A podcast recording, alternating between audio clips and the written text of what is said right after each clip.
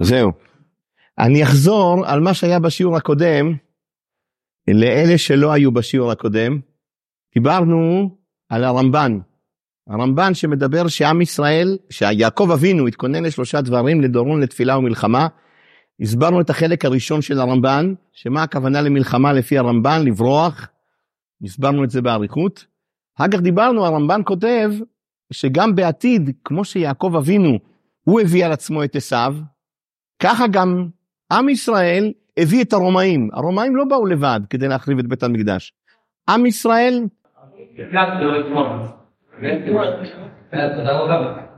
עם ישראל, עם ישראל קרא, קרא לרומאים.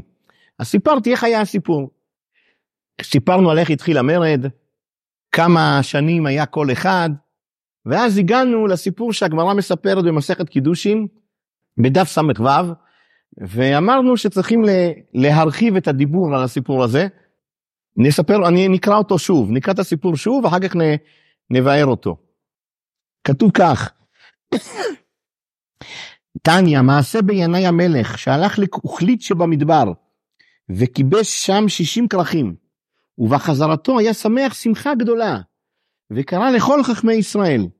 אמר להם, אבותינו היו אוכלים מלוכים בזמן שהיו עסוקים בבניין בית המקדש. היה סוג של ירק, שזה ירק זול.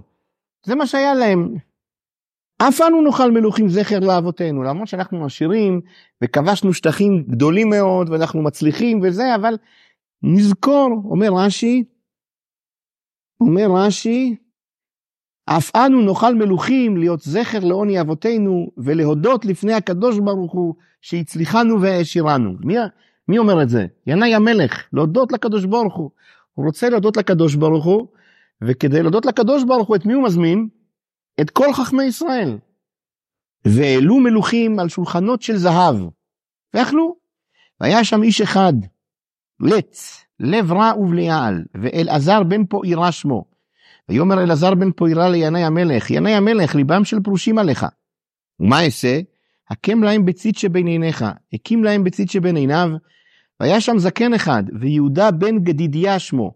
ויאמר יהודה בן גדידיה לינאי המלך, ינאי המלך, רב לך כתר מלכות, הנח כתר כהונה לזרעו של אהרון. כשהיו אומרים, אמו נשבית במודיעים, ויבוקש הדבר, ולא נמצא. ויבדלו חכמי ישראל בזעם, רש"י מסביר מה זה בזעם, שזעמו עליהם, שכעסו עליהם. ויאמר אלעזר בן פוירה לינאי המלך, ינאי המלך, הדיוט שבישראל כך הוא דינו, ואתה מלך וכהן גדול כך הוא דינך? אז הוא אמר, ומה אעשה? הוא ענה לו, אם אתה שומע לעצתי, רומסם, ותורה מה תהיה עליה? הרי כרוכה ומונחה בקרן זווית, כל הרוצה ללמוד יבוא וילמוד. אמר רב נחמן בר יצחק מיד נזרקה בו אפיקורסות, דאבל אלמימר תינך תורה שבכתב, תורה שבעל פה מאי, מיד ותוצץ הרעה על ידי אלעזר בן פוירה ויהרגו כל חכמי ישראל. והיה העולם משתומם, עד שבא שמעון בן שטח והחזיר את התורה ליושנה. אני רוצה להסביר משהו. יש עיקרון שמופיע בהרבה הרבה הרבה סיפורי חז"ל. הגמרא רוצה לספר משהו גדול, משהו כללי, שהשפיע מאוד, והיא מספרת איזה סיפור קונקרטי על איזה בן אדם שעשה ככה ועשה ככה. רואים את זה בהרבה מקומות. למשל, מי שקורא את הסוגיות בגיטין, על סיפורי החורבן, אז שם יש כל מיני סיפורים קונקרטיים, נגיד קמצא ובר קמצא. זה סיפור מפורסם, כולם מכירים את הסיפור הזה, נכון? זה סיפור קונקרטי, על שניים שלושה אנשים, הגמרא רוצה לתאר את החורבן, מה היה בחורבן, היא משתמשת בסיפור קונקרטי, אבל כל אחד מבין שהסיפור הקונקרטי הזה צריך ללמד אותנו על המצב של כלל ישראל, על מה שקרה. זה לא שכל עם ישראל היו כולם צדיקים, הכל היה בסדר, ורק היה שם איזה קמצא ובר קמצא שעשו בעיות. ודאי שזה לא היה ככה. זה, זה, זה, זה דוגמה לתהליך שלם שעבר על כלל ישראל.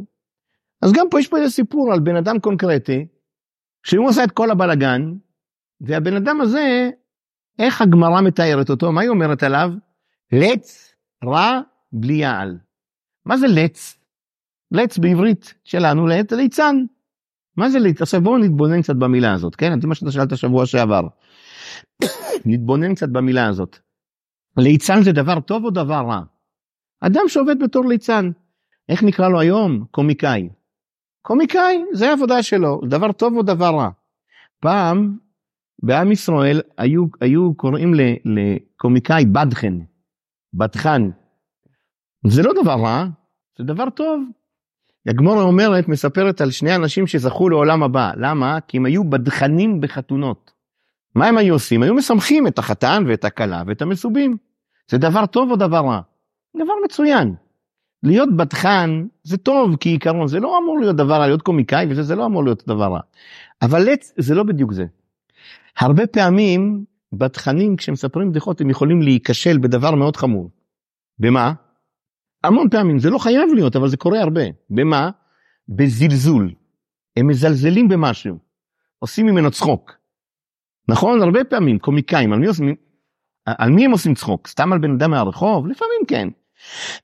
אבל הרבה, הרבה בתכנים עושים צחוק, נגיד מראש הממשלה, מנשיא, ממלך, מאדם חשוב, עושים ממנו צחוק, זה חלק מה, מהעבודה. זאת אומרת, מה הם עושים? לוקחים בן אדם שהוא חשוב ומזלזלים בו, נכון? עכשיו תלוי מי זה, אם זה בן אדם שהוא באמת לא צדיק גדול ולא חכם גדול, אבל הוא...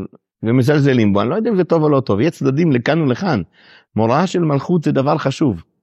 בסדר, אבל לא לכם שאות, שאותו ליצן יעשה צחוק מתלמיד חכם גדול, מיהודי צדיק גדול. הוא בדרן, הוא ליצן, הוא עושה צחוק. איך הוא עושה צחוק? הוא מזלזל. זה חלק מהצחוק שלו, הוא מזלזל. זה לץ. לץ זה מי שמזלזל. בסדר? בכל מקום שכתוב בחז"ל לץ, הכוונה מישהו שמזלזל באחרים. זה הכוונה, זה לא בהכרח מספר בדיחות. יש איזה מדרש שכתוב על פרעה שהוא היה לץ. שזה מאוד מוזר, פרעה היה לץ. בכל מה שמסופר עליו כתוב פעם אחת שהוא סיפר בדיחה למשה רבינו. הוא לא סיפר לו שום בדיחה, מה פתאום לו שהוא לץ? כי הוא היה מזלזל. לץ זה מי שמזלזל. בסדר? עכשיו במי הוא זלזל? אלעזר בן פואירה. במי הוא זלזל בסיפור הזה? הוא זלזל בתלמיד החכומים. נכון? זה בעצם הסיפור. וחז"ל מגדירים שזו הייתה הבעיה. שהוא זלזל בתלמיד החכומים. נכון? עכשיו אם היינו שם, רגע לפני כן, לפני אם היינו שם, זאת אומרת שמה הנושא של הסיפור הזה שהגמרא מספרת? כשהגמרא בעצם אומרת לץ. אוקיי רגע תכף נדייק יותר. כשעכשיו אנחנו כבר מכירים את הסיפור הזה. מה נושא הסיפור? הנושא, הנושא הסיפור בעצם הוא זלזול בתלמיד החכומים, או זלזול בתורה שבעל פה. זה נושא הסיפור, נכון? באמת, זה נושא הסיפור.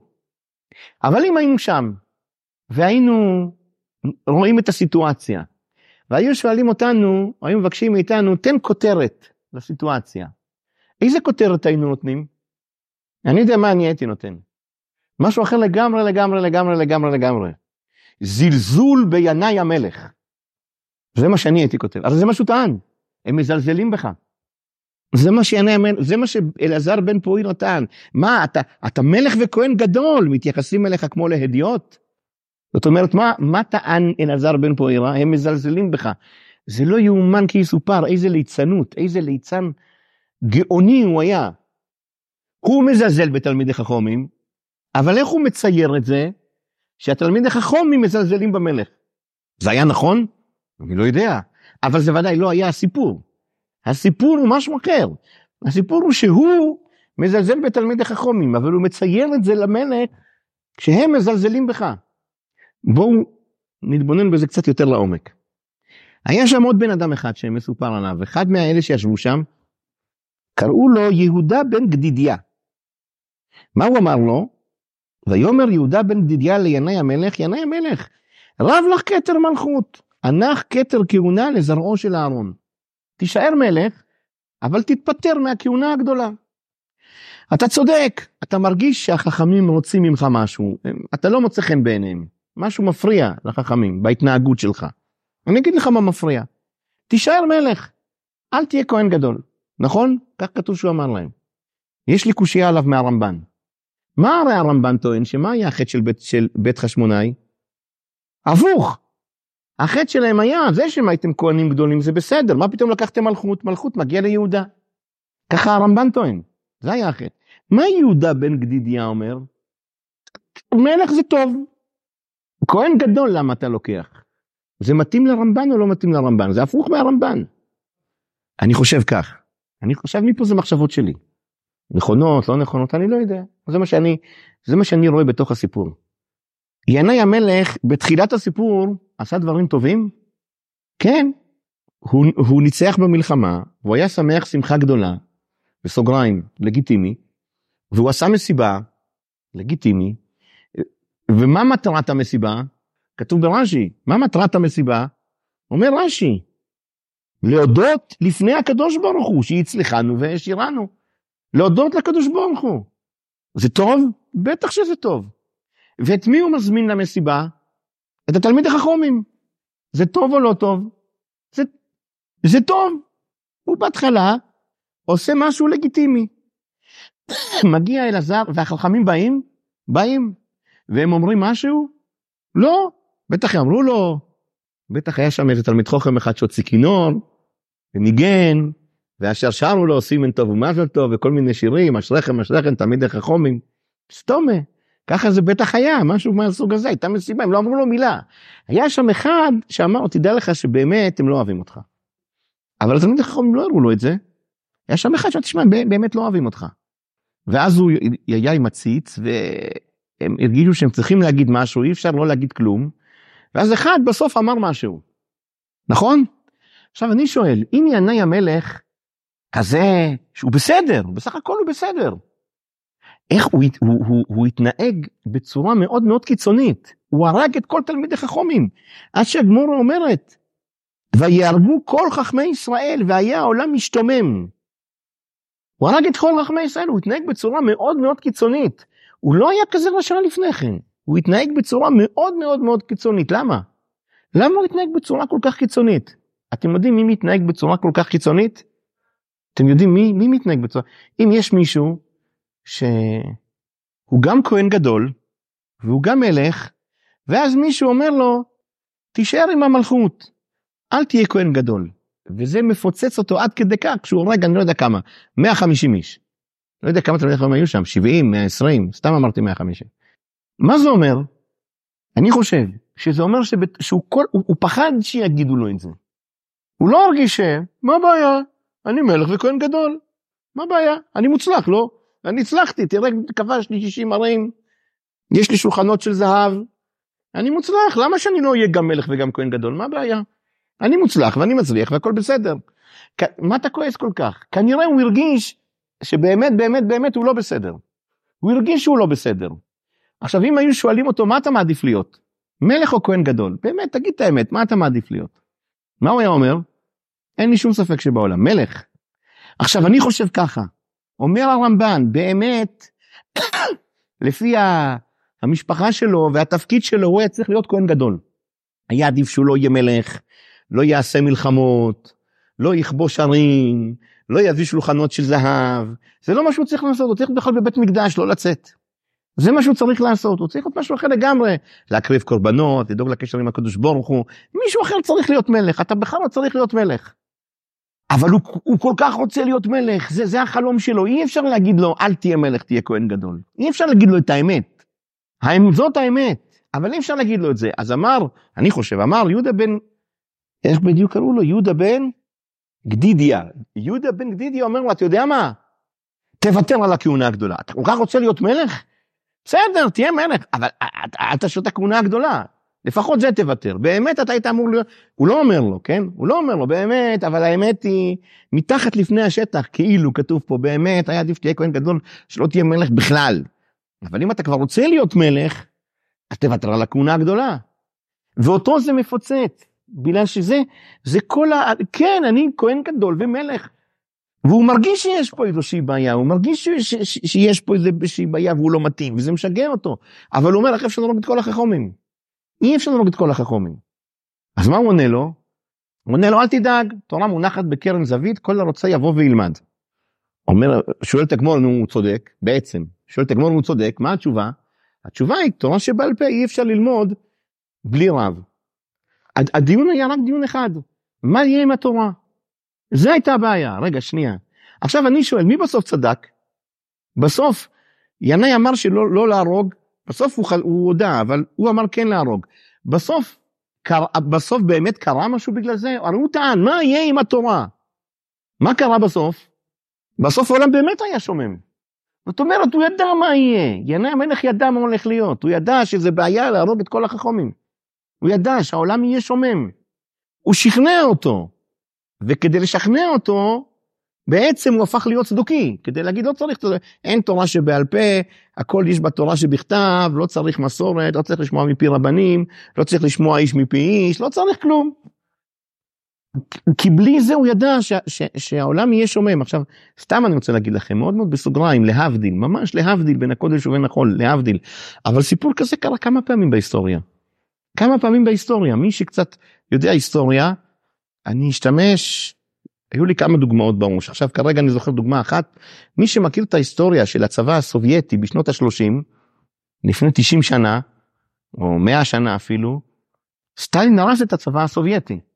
ואז כשהייתה מלחמת העולם השנייה היה צריך לבנות אותו מחדש. כן, מכירים את החלק הזה בהיסטוריה? זה לא היה... ברגע שאתה הורס את כל התלמידי חכומים, אתה, אתה הורס את כל הצבא, זה לא ש... לא מה, מה יש, אז יבואו קצינים חדשים, זה לא עובד ככה. בדיוק, הוא הרג את ראשי הגנרלים, ומה קרה בגלל זה? הצבא שלו היה גרוע מאוד אחר כך. מה אכפת לך? זיהו גנרלים אחרים. זה לא עובד ככה, אתה הורג את כל הגנרלים, עד שצומחים גנרלים אחרים לוקח הרבה זמן. ולך תדע מה יהיה בינתיים. רוסיה, ברית המועצות כמעט נחרבה, זה לא היה כל כך רחוק. זה לא סתם אתה הורס את הגנרלים. זה לא סתם אתה הורס, עכשיו זה בין ההבדיל בין הקודש ובין הכל. אני לא זוכר, היו עוד כמה דוגמאות כאלה בהיסטוריה, שבה מישהו החליט שהוא הורס את, ה, את השכבה הראשונה, והוא חושב, אה, אני אסתדר. אין דבר כזה, זה לא עובד ככה. זה לא עובד ככה בשום תחום. מי שחושב שאפשר, לא, לא, בסדר, מה, לא נסתדר את הרבנים איכשהו, נזיז אותם הצידה וזה, נסתדר. נבנה משהו אחר. זה לא עובד, לא בונים משהו אחר. לוקח הרבה הרבה הרבה זמן עד שאתה שוב מגיע לשכבה של גנרלים, ואז יהיה לך משהו אחר. אבל זה לא שאתה תהרוס את הגנרלים ויהיה לך משהו אחר, אין משהו אחר, זה לא עובד. העולם יהיה שומם. וזה מה שהוא אמר לו, וכך היה באמת. בסדר? אחר כך, עד שבא שמעון בן שטח והחזיר תורה ליושנה. מי היה שמעון בן שטח? שמעון בן שטח אומר רש"י היה אחי אשתו. לאשתו של ינאי המלך קראו ולשלום ציון היה אח שקראו לה שמעון בן שטח, והיא החביאה אותו. וכיוון שהיא החביאה אותו, אז לא הרגו אותו. ואחרי שנשמו לרווחה, הוא גמר להרוג את כולם, אז היא החזירה אותו, ואז הוא חזר לסנהדרין, ולאט לאט סידר את העניינים. עכשיו פה קורה משהו מעניין. אני לא רוצה להרחיב עוד הרבה, אז אני מדלג, יש עוד כמה גמרות שמדברות על ינאי המלך, אבל יש גמרה מאוד מאוד מפורסמת, שכאשר הוא מת, לפני שהוא מת, אז הוא ידע שאשתו עכשיו תהיה המלכה, והוא אמר לה, אל תפחדי מהפרושים, ואל תפחדי מהצדוקים, אלא תפחדי מהצבו, מהצבועים, שעושים מעשי זמרי ומבקשים שכר כפנחס. ככה הוא אמר לה, לפני שהוא מת. מסביר רש"י, אל תפחדי מהצבועים, מה, סליחה, סליחה, אל תפחדי מהצדוקים. אין לך מה לפחד מהצדוקים, הם חברים שלי, אני הפכתי להיות צדוקי. זהו, אני הפכתי להיות צדוקי, אל תפחדי מהם, הם חברים שלי, תכף אני אסביר את זה יותר לעומק. אל תפחדי מהצדוקים, אבל גם אל תפחדי מהפרושים. נכון, הם לא חברים שלי, אני לא בצד שלהם. אל תפחדי, רגע, זאת אומרת שהיא כן הייתה צריכה לפחד מהם. נסביר רש"י למה הייתה צריכה לפחד מהם, כי היא פחדה שהפרושים יפילו אותה, אותה ואת כל המשפחה וימנו מלך אחר. אז הוא אומר לה אל תפחדי מהפרושים, הם לא יפילו אותך. אל תפחדי מהצדוקים כי הם חברים שלי, אל תפחדי מהפרושים כי הם לא יפילו אותך, תפחדי מהצבועים. מהצבועים שעושים מעשה זמרי, הם עושים חטאים והם מבקשים שכר. בסדר? זה מה שהוא אמר לה. ואז הוא נפטר, היא הייתה מלכה, אחרי שהייתה מלכה, אז היא הביאה, לכאורה אז היא הביאה את אה, שמעון בן שטח, ולאט לאט לאט לאט מה הוא עשה? הוא הכניס כמה שיותר פרושים לתוך הסנהדרין. בסדר? אחר כך היו לה שני בנים, והיא חילקה את השלטון ביניהם, היא מינתה אחד שיהיה שר צבא ואחד שיהיה כהן גדול. ואז הם נלחמו ביניהם, מי יהיה, מי יהיה השליט, השר הצבא והכהן הגדול. עכשיו אני רגע עוצר פה, אני ככה רצתי במהירות, אבל רגע, מה הולך פה? יש שני אחים ש... שנלחמים, מי יהיה המלך? אם הם נלחמים, זאת אומרת, זאת אומרת שלכל אחד יש צבא, נכון? אי אפשר להילחם בלי צבא, זה לא כל אחד לקח, לקח חרב והם התחילו לריב, שני האחים, מי ינצח. לכל אחד היה צבא. כמה היה חיילים בכל אחד מהצבאות האלה? אלף איש? עשרת אלפים איש? מאה אלף איש? לא יודע כמה. אבל היו שני צבאות שנלחמו אחד עם השני. לכל חייל הייתה משפחה. היו חברים, היו ילדים, היו דודים, היו בני דודים, היו שכנים. זה לא סתם מלחמה בין שני אחים. זה יש שתי קבוצות בעם ישראל, קבוצה אחת. עכשיו אני לא מבין, אם הייתי שם, הייתי שואל את אחד מה, מהאנשים שם, תגיד לי, למה אתה נלחם? אתה מוכן להרוג יהודים, ואתה גם מוכן להילחם ולוקח סיכון שיהרגו אותך. סירות נפש, על מה אתה נלחם? כדי שהאח הזה יהיה מלך ולא האח הזה, או כדי שהאח הזה ולא האח הזה, על מה נלחמו אתם חושבים? סתם. האחים האלה בוא נגיד שמה שעניין אותם זה להיות, לשלוט. בסדר בוא נגיד. אבל כל אלה שהיו במלחמה, כשיש מלחמה בין שני צדדים, כל צד, כל מלחמה זה ככה, כל... לא מדבר על המנהיגים, המנהיגים הרבה פעמים הם שקרנים גדולים. הרבה פעמים. אבל אני מדבר על, על אלה שנלחמים, על החיילים הפשוטים, על הקצינים הפשוטים. על מה אתם נלחמים? על מה אתם מוכנים גם להרוג וגם להרג? על מה? נשאל כל צד. הייתה שם מלחמה. מה הייתה התשובה? אז אני אגיד לכם מה הייתה התשובה, כי היו שם שני, היו שני צדדים בעם ישראל. היו פרושים והיו צדוקים. והם נלחמו אחד בשני. ומתי שתי המפלגות האלה הפכו להיות כל כך חזקות שהם נלחמו אחת בשנייה ולא היה ברור מי שולט. מתי זה התחיל? ינאי המלך בהתחלה מה הוא היה? הוא היה פרושי, הוא היה מהפרושים. אבל אז בסיפור הזה הוא הפך להיות צדוקי. חז"ל לוקחים סיפור קטן.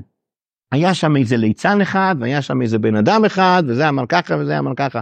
אבל אז בעצם נוצרו שתי מפלגות שנהיו חזקות מאוד. זה לא שלפני כן הם לא היו, גם לפני כן הם היו. אבל זה לא היה כל כך שתי מפלגות שהן בעצם, שתיהן חזקות פחות או יותר באותה מידה. זה היה אז. נוצרו שתי המפלגות האלה והן שתיהן נהיו חזקות. עד כדי כך.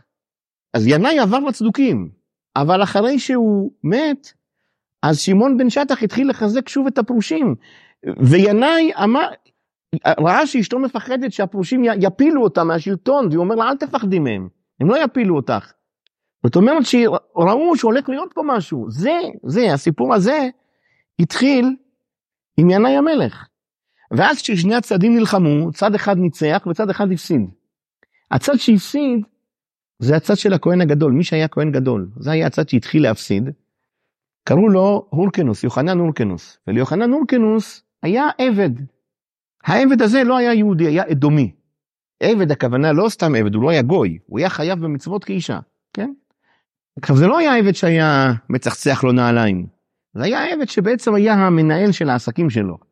היה מנהל לו את העניינים וזה. והעבד האדומי הזה אמר לו תשמע אתה הולך להפסיד. אתה הולך להפסיד מה תעשה? אסור שאדם כמוך יפסיד. אתה יודע מה יש לי רעיון בשבילך. מה הרעיון? הוא אומר בוא נביא צבא שיעזור לך. תדע לך רוב העם איתך, רוב העם תומך בך, אתה בסדר גמור, אתה צריך לנצח, בוא נביא מישהו שהצבא שיעזור לך. אומר לו את מי? אומר נביא את הרומאים. הביאו אחד מהמפקדים של, הצ... של הצבאות הרומאים קראו לו פומפיוס. הביאו את פומפיוס, הפומפיוס כמו שאמרתי בפעם שעבר היה צדיק גדול ותמיד היה מוכן לעזור למי שמבקש ממנו עזרה. וביקשו ממנו עזרה היהודים הוא אמר בשמחה אני מוכן לעזור לכם והוא כבש את ארץ ישראל. ואחרי שהוא כבש את ארץ ישראל אז הוא מינה את טולקינוס להיות המלך.